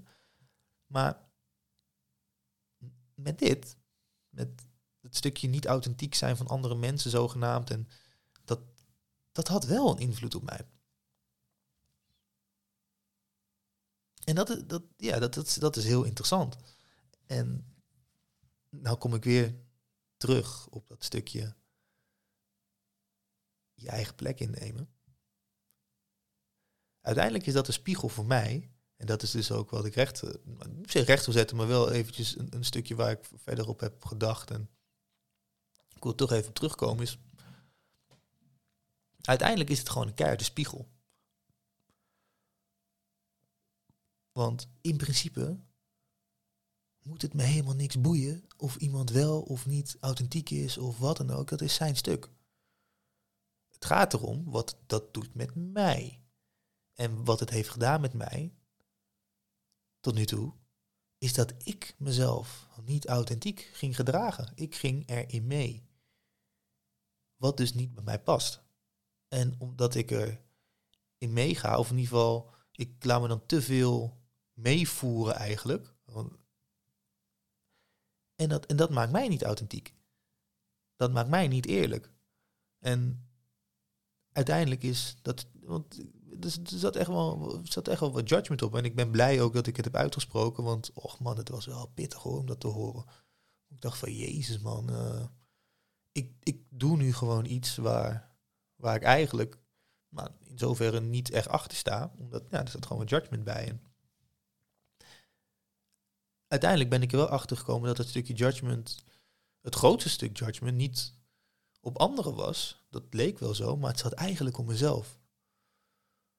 Eigenlijk was waar ik het meest last van had, mijn eigen judgment op mezelf, dat ik niet bij mezelf durf te blijven. Dat ik niet mijn eigen plek in durf te nemen. Dat ik niet mijn eigen jargon kan blijven spreken. Dat ik toch het gevoel heb dat ik me weer moet gaan gedragen naar de verwachtingen van iemand anders. En sterker nog, dat is niet eens zo. Want niemand verwacht van mij dat ik, dat ik, dat ik dat op een bepaalde manier ga gedragen. Sterker nog, ehm, het is voor iemand anders ook veel fijner als ik gewoon lekker mezelf ben. Dus uiteindelijk elke, elke trigger, die triggert iets in jou. Zo simpel is het. Er wordt iets in jou geraakt waardoor jij op een bepaalde manier reageert. En het is heel interessant om in te zoomen en te kijken van hé, hey, wat, wat, wat zit daar eigenlijk?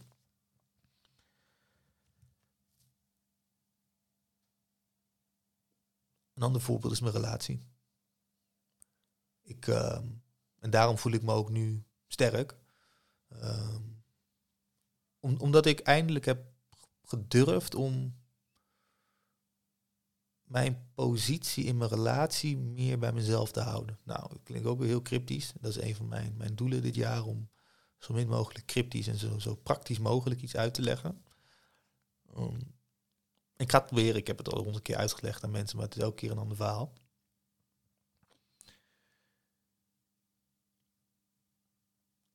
Ik als persoon die het lastig vindt om zijn eruit in te nemen, zeg maar, um, krijg dat op heel veel manieren gespiegeld. En ja, je relatie is bij uitstek een plek waar je dat soort dingen gespiegeld krijgt. Je wordt er elke dag mee geconfronteerd. En ik heb de afgelopen periode wel ervaren van oké, ik, ik ben nu acht jaar samen met Rosanne. En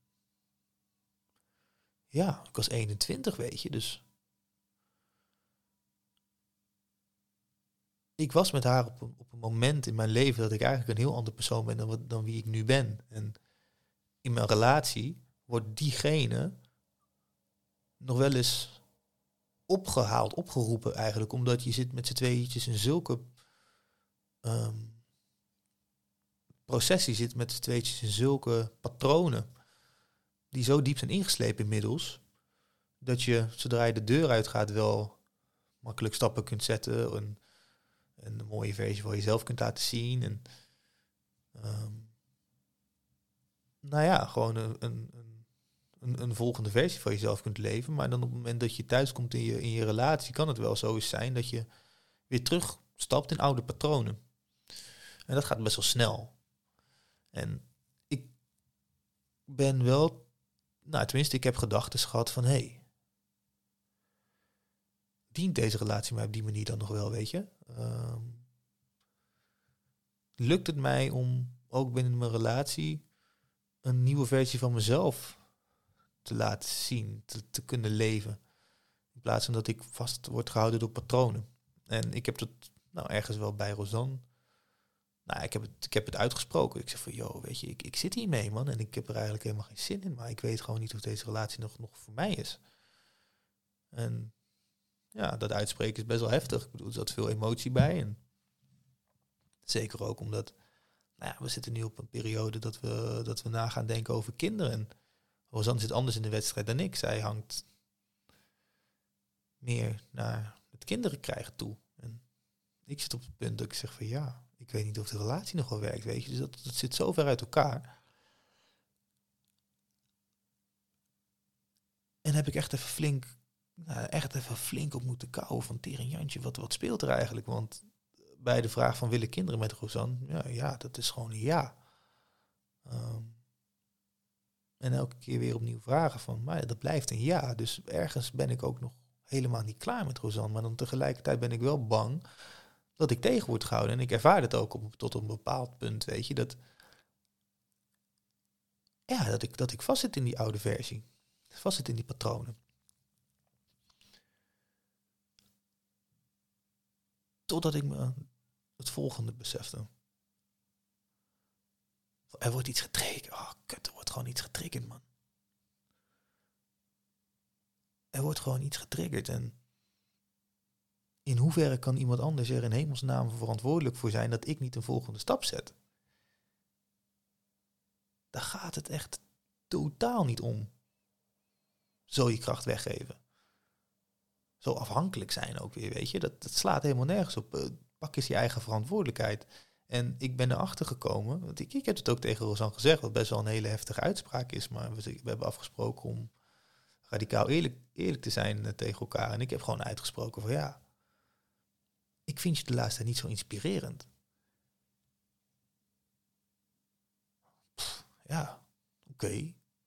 Nou, eerlijk, moet, moet je heel eerlijk zeggen, het, het voelde wel krachtiger toen ik het zei, want het zijn wel gewoon gedachten die ik heb. En door het uit te spreken werd het wel ja, werd het in de realiteit gezet en kun je ook zien hoe het gespiegeld wordt en wat het doet in die realiteit en in hoeverre het een verhaal en gedachten is die jij jezelf vertelt en ook in hoeverre als de woorden zich manifesteren hier in deze, in deze wereld, in hoeverre, ja, hoe dat zich gaat ontwikkelen.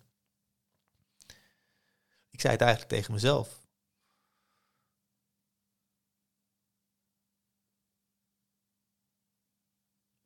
Ik durfde gewoon niet meer ruimte te pakken. Ik durf gewoon ook in mijn relatie niet duidelijk genoeg aan te geven van, yo, ik trek eventjes mijn eigen plan nu. Van hé, ik heb even ruimte nodig, ik wil even alleen zijn. Hé, hey, ik wil dit, ik wil dat. En natuurlijk, het is een gedeelte dat Rosanne dat misschien niet zo snel aanvoelt als dat ik zou willen. Oké. Maar in hoeverre heb ik nou echt verantwoordelijkheid genomen om,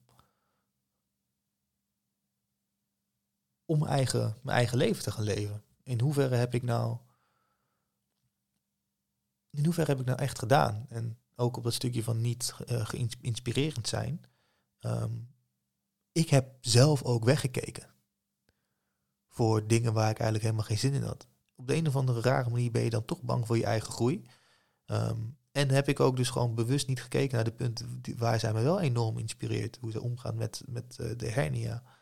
Hoe zij, nou ja, zo zijn er nog zoveel dingen op te noemen, weet je. Hoe zij omgaat met de telefoon. Hoe, hoe zij hoe zij wel de eigen ruimte neemt, hoe zij omgaat met, met haar masculiniteit, hoe zij omgaat met het huis, hoe ze omgaat met mij, weet je.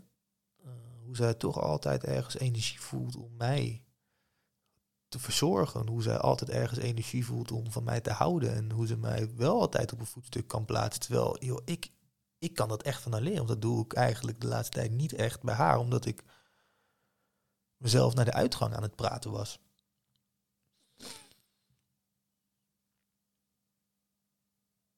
Hoe kan je iemand in hemelsnaam inspirerend vinden als je er niet naar kijkt?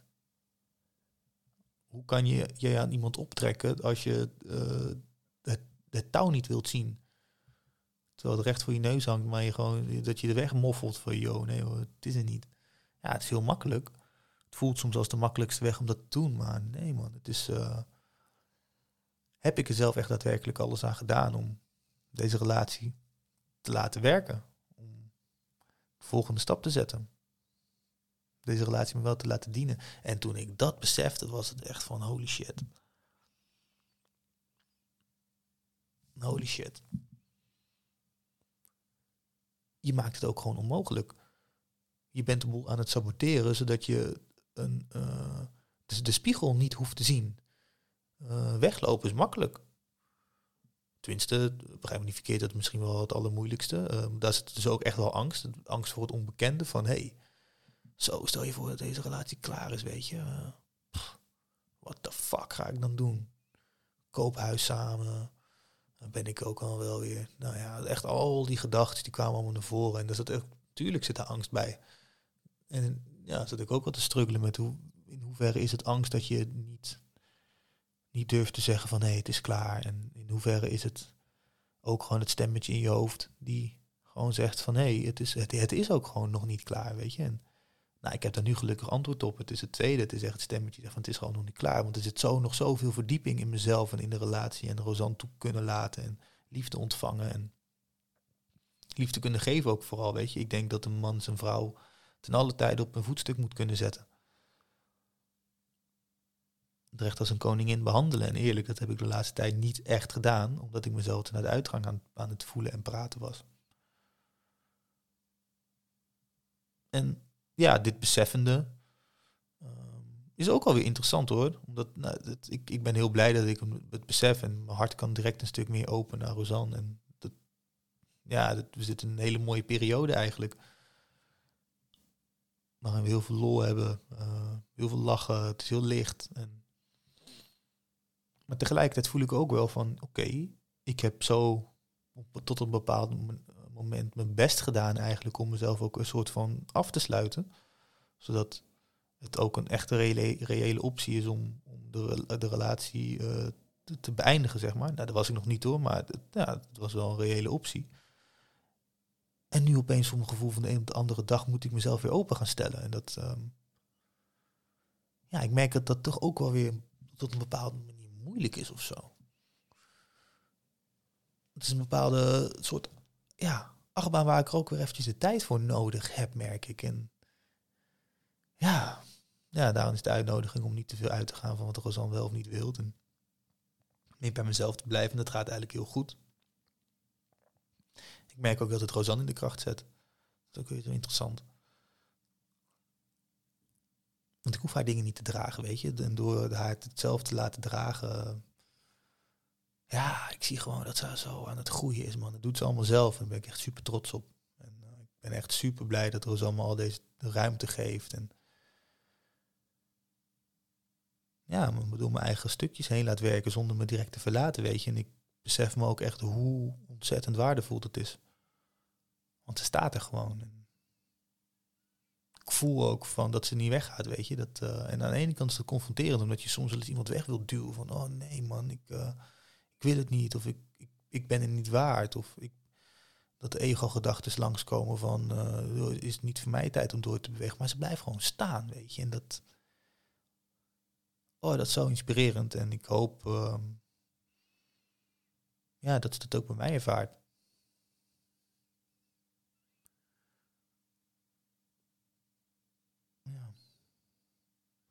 Dus we zullen zien waar het, uh, waar het allemaal gaat eindigen. Alleen ik ben wel heel blij om te, ervaren dat, nou ja, om er even op terug te komen, dat stukje iets buiten jezelf zoeken dat het wel als nodig is, weet je. Uh, je. je. mag er ook ruimte aan geven. Je, mag het, je mag het denken van, hé, hey, doe jij, jij niet dit en dit, waardoor er iets met mij gebeurt en moet jij dan niet iets veranderen. Je mag het denken. Maar ik denk dat de grote uitnodiging is, wanneer je er klaar voor bent, dat je dan ook uit mag spreken. Dan pas kan je de gedachten toetsen aan, aan, aan de uiterlijke realiteit, aan de realiteit buiten jezelf. En dan kun je erachter komen van oké, dan. Uh, ja, het is wel of niet zo, weet je. Uh, je kan verrast worden dat het niet zo is. Je kan verrast worden dat het wel zo is. En op het moment dat je je eigen hoofd laat rondspoken, dan ben jij eigenlijk zelf altijd degene die er ook antwoord op moet gaan geven. En dan ben je slachtoffer van je eigen bias. En komen er alweer verhaaltjes om de hoek kijken. En het is een kunst. Het is echt een kunst om, om daadwerkelijk te kunnen ervaren. Het is niet zomaar gedaan. Er komen zoveel verhaaltjes en dingen langs die... Ja, stemmetjes langs van jezelf die wel of niet zuiver zijn, weet je. En dat, gaat, dat gaat zo rap. En ik... Um, wij um, begeleiden het ochtendprogramma voor de Masculine Retreat van, uh, van Charelle. En uh, daar... Um, geef ik een meditatie. Ik eindig die meditatie eigenlijk altijd met, uh, met een stukje tekst.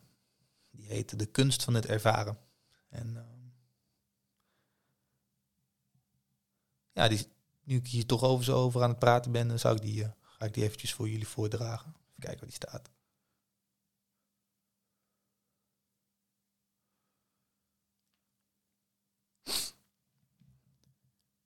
de werkelijke kunst van het ervaren. Emotie mogen voelen, met, maar ook zonder al die bijbehorende verhalen. In onze gedachten zit het daadwerkelijk ervaren van ongemak vol onvoorziene gevaren. Maar, laten we deze verhalen achterwege, zullen zelfs ongeschijnlijk eeuwigdurende pijnen met stapjes langzaam bedaren. We zouden heel graag willen, maar we kunnen lang niet alles verklaren. Zonder zelf te blazen zal de wind uiteindelijk de bewolkte lucht doen opklaren. Met gesloten ogen, zonder oordeel, mijn unieke binnenwereld aan aan het staren. Super trots op mijn kunstwerk. De werkelijke kunst van het ervaren.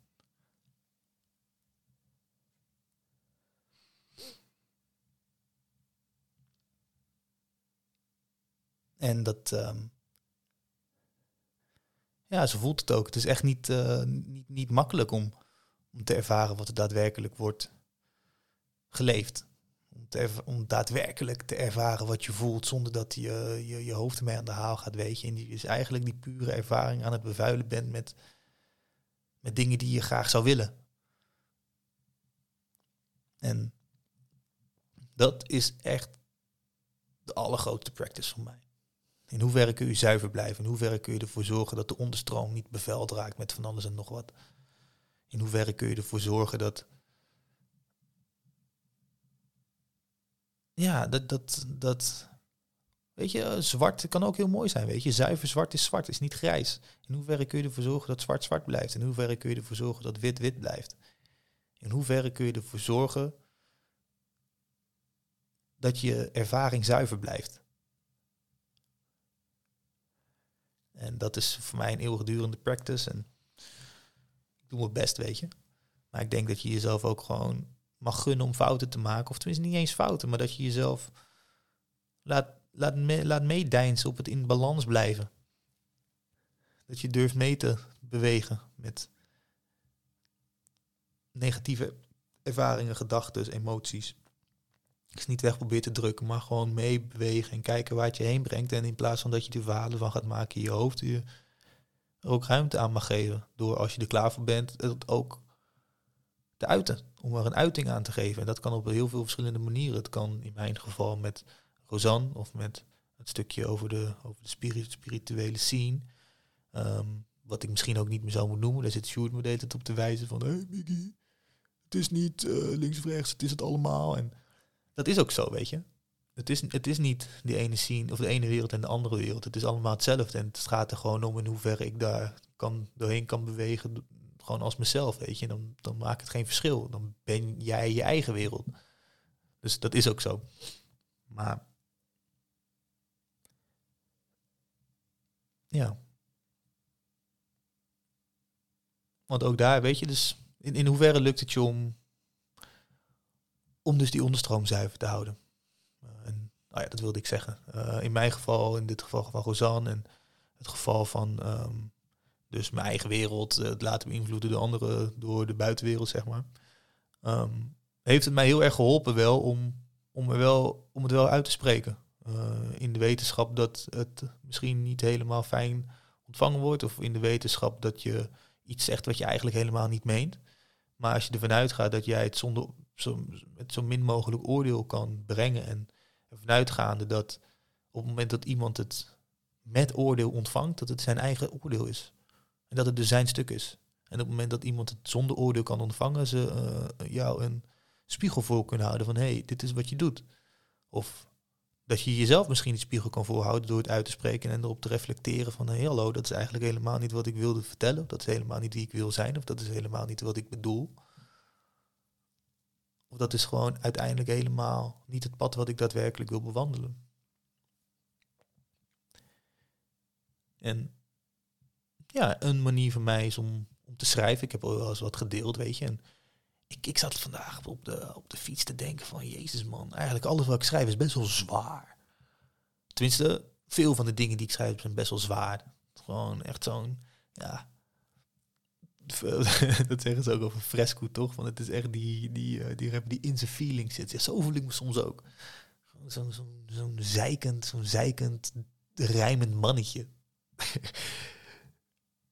maar toch is het blijkbaar iets wat, wat wel naar buiten moet, weet je. En het wil soms ook helemaal niet zeggen dat ik me zo voel of zo, maar dus ergens zit het wel. En ik merk ook op momenten dat, het, dat ik wat minder, nou, dat er wat minder float, dan voel ik mezelf toch wel creatief. En ja, dat is eigenlijk best wel, dat is eigenlijk best wel interessant. En uh, daar wilde ik me nog, uh, daar wilde ik nog een, stukje van voordragen. Dit is zo'n typisch voorbeeld van, van mezelf. Die eigenlijk iets schrijft in een periode waar ik heel goed in zit, maar dan komt er gewoon echt iets donkers uit. En ik denk van jeetje, mineetje man. Maar tegelijkertijd, ja, het, kom, het komt er wel uit. En ik heb ook besloten om um, het uh, meer te gaan delen. Uh, op social media, op, op Instagram. Ik, uh, Een nieuwe, eh, pagina, nieuwe dichtheid. Het zijn, eh, nou ja, eh, gedichten natuurlijk. Eh, dat, was nieuw, dat is nieuw voor mij, of was nieuw voor mij. Maar tegelijkertijd gaat het me er ook om dat we naar een nieuwe, naar een nieuwe wereld toe leven. Naar een nieuwe dichtheid, weet je. De frequentie die wordt steeds hoger. En door daadwerkelijk te delen wat er speelt, eh, daardoor de onderstroom schoonhouden.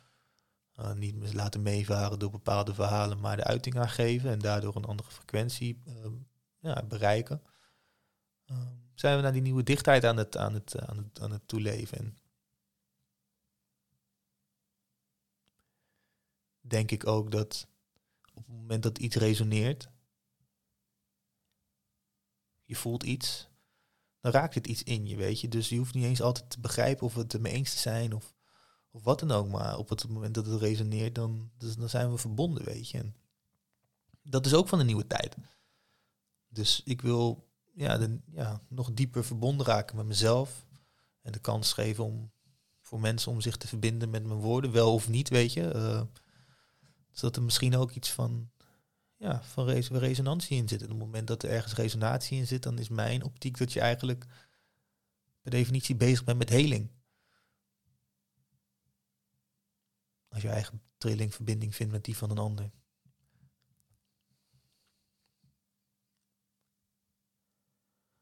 Rondstronkelen door een oerwoud van gedachten en verdriet.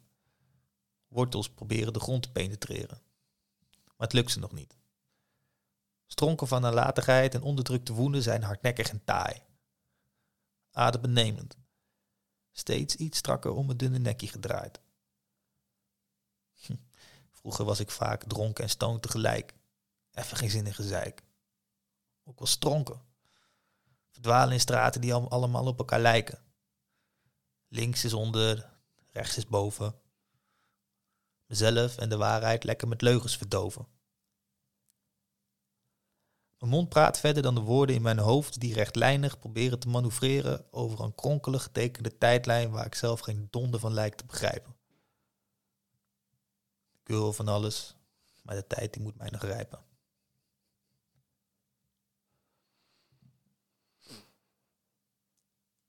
Ja.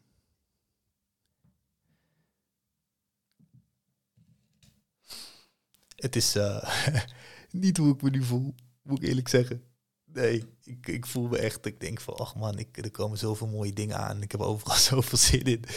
Uh, maar dit, dit komt er dan toch uit op de, een of andere, op de manier, weet je. Dus dat is heel fijn om een uiting aan te geven. En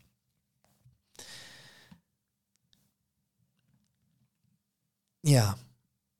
Ja, dat is gewoon, dat, dat, dat is gewoon heel fijn. Dan, dan staat het op papier en dan denk je opeens, oké dan, nou, het staat er gewoon. Nou, dan, gaan, dan gaan we er maar voor. Ik wil jullie heel erg bedanken, man. Als je het tot hier hebt, uh, hebt gered.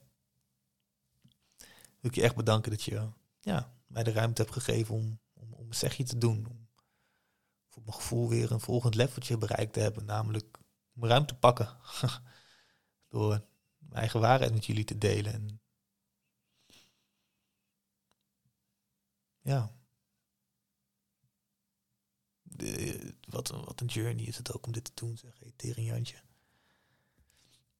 En um, ja, hoe ik, hoe, ik, hoe ik het zelf ervaar, um, hoe ik mijn eigen ruimte steeds meer leer kennen. En zie ik om me heen ook zo ontzettend veel mensen die, dit, die, ditzelfde, die ditzelfde doen. En die hoeft het niet in, in, in een spirituele practice te, te gieten of wat dan ook, weet je, als jij je, je eigen leven leidt. En je merkt dat de dingen steeds minder energie kosten en begint je alleen maar meer energie te geven, weet je, dan ben je op het goede pad. En ik moedig je aan, want ik moedig je echt aan. Ja. Volg ons, man. Volg Meditation Army. We gaan weer fucking mooie dingen doen. Onze eigen eerste zweethut. We komen met retreats. Adem journeys ja, retreat. Ja, echt van alles en nog wat, man. Van alles en nog wat. Ik begin een beetje moe te worden. Het is, uh, hoe laat is het? Tien voor half elf alweer, Teringantje. Dus um, ja, check it out. Ik, uh, nogmaals, ik voel me vereerd dat je tot hier hebt gered. En eh, ja, je zult, eh, je zult zo ontzettend veel meer gaan zien van ons, van mij, van Stichting Elements, waar ik mee bezig ben. Stichting de, Stichting voor Kids, weet je, om eh, die jeugd ook gewoon meer bij een spirituele, emotionele zelf te houden. Fucking dope. Krijg ik ook steeds, ja, krijg ik zoveel energie van. We gaan weer een hele mooie nieuwe periode in waarin we gaan rappen en natuurmagie met ze gaan doen. En videoclips opnemen en dope shit. Ook allemaal te volgen. Maar ehm, volg jezelf vooral, volg, vooral- volg vooral jezelf. Volg je eigen pad. Bekijk eens van een afstandje. Kijk of, eh, of je afslag links of rechts nog de goede is. Eh, durf ook de afslag links en rechts gewoon te pakken, weet je. Je kan altijd, je kan altijd weer terug. Je kan altijd eens achteruit. En eh, vergeet jezelf en de mensen om je heen niet te bedanken. Dat ze jou ook die ruimte gunnen. Dat ze jou die ruimte geven. Ga ervan uit dat als mensen met judgment op jezelf, op jou reageren, dat is hun stuk. Maar het is niet de bedoeling dat jij iets niet durft te uiten omdat jij bang bent dat iemand jou gaat judgen en dat jij die judgment voor hen gaat dragen. Namelijk door iets niet te doen. Dat is niet de bedoeling. Dat doe ik veel te vaak. Heb ik veel te vaak gedaan. Hè? Positieve affirmaties. Dat doe ik vanaf nu niet meer. Ehm, en jij ook niet. Dus ehm, ja. Bra, dan gaan we dan. Doei. Slaap lekker.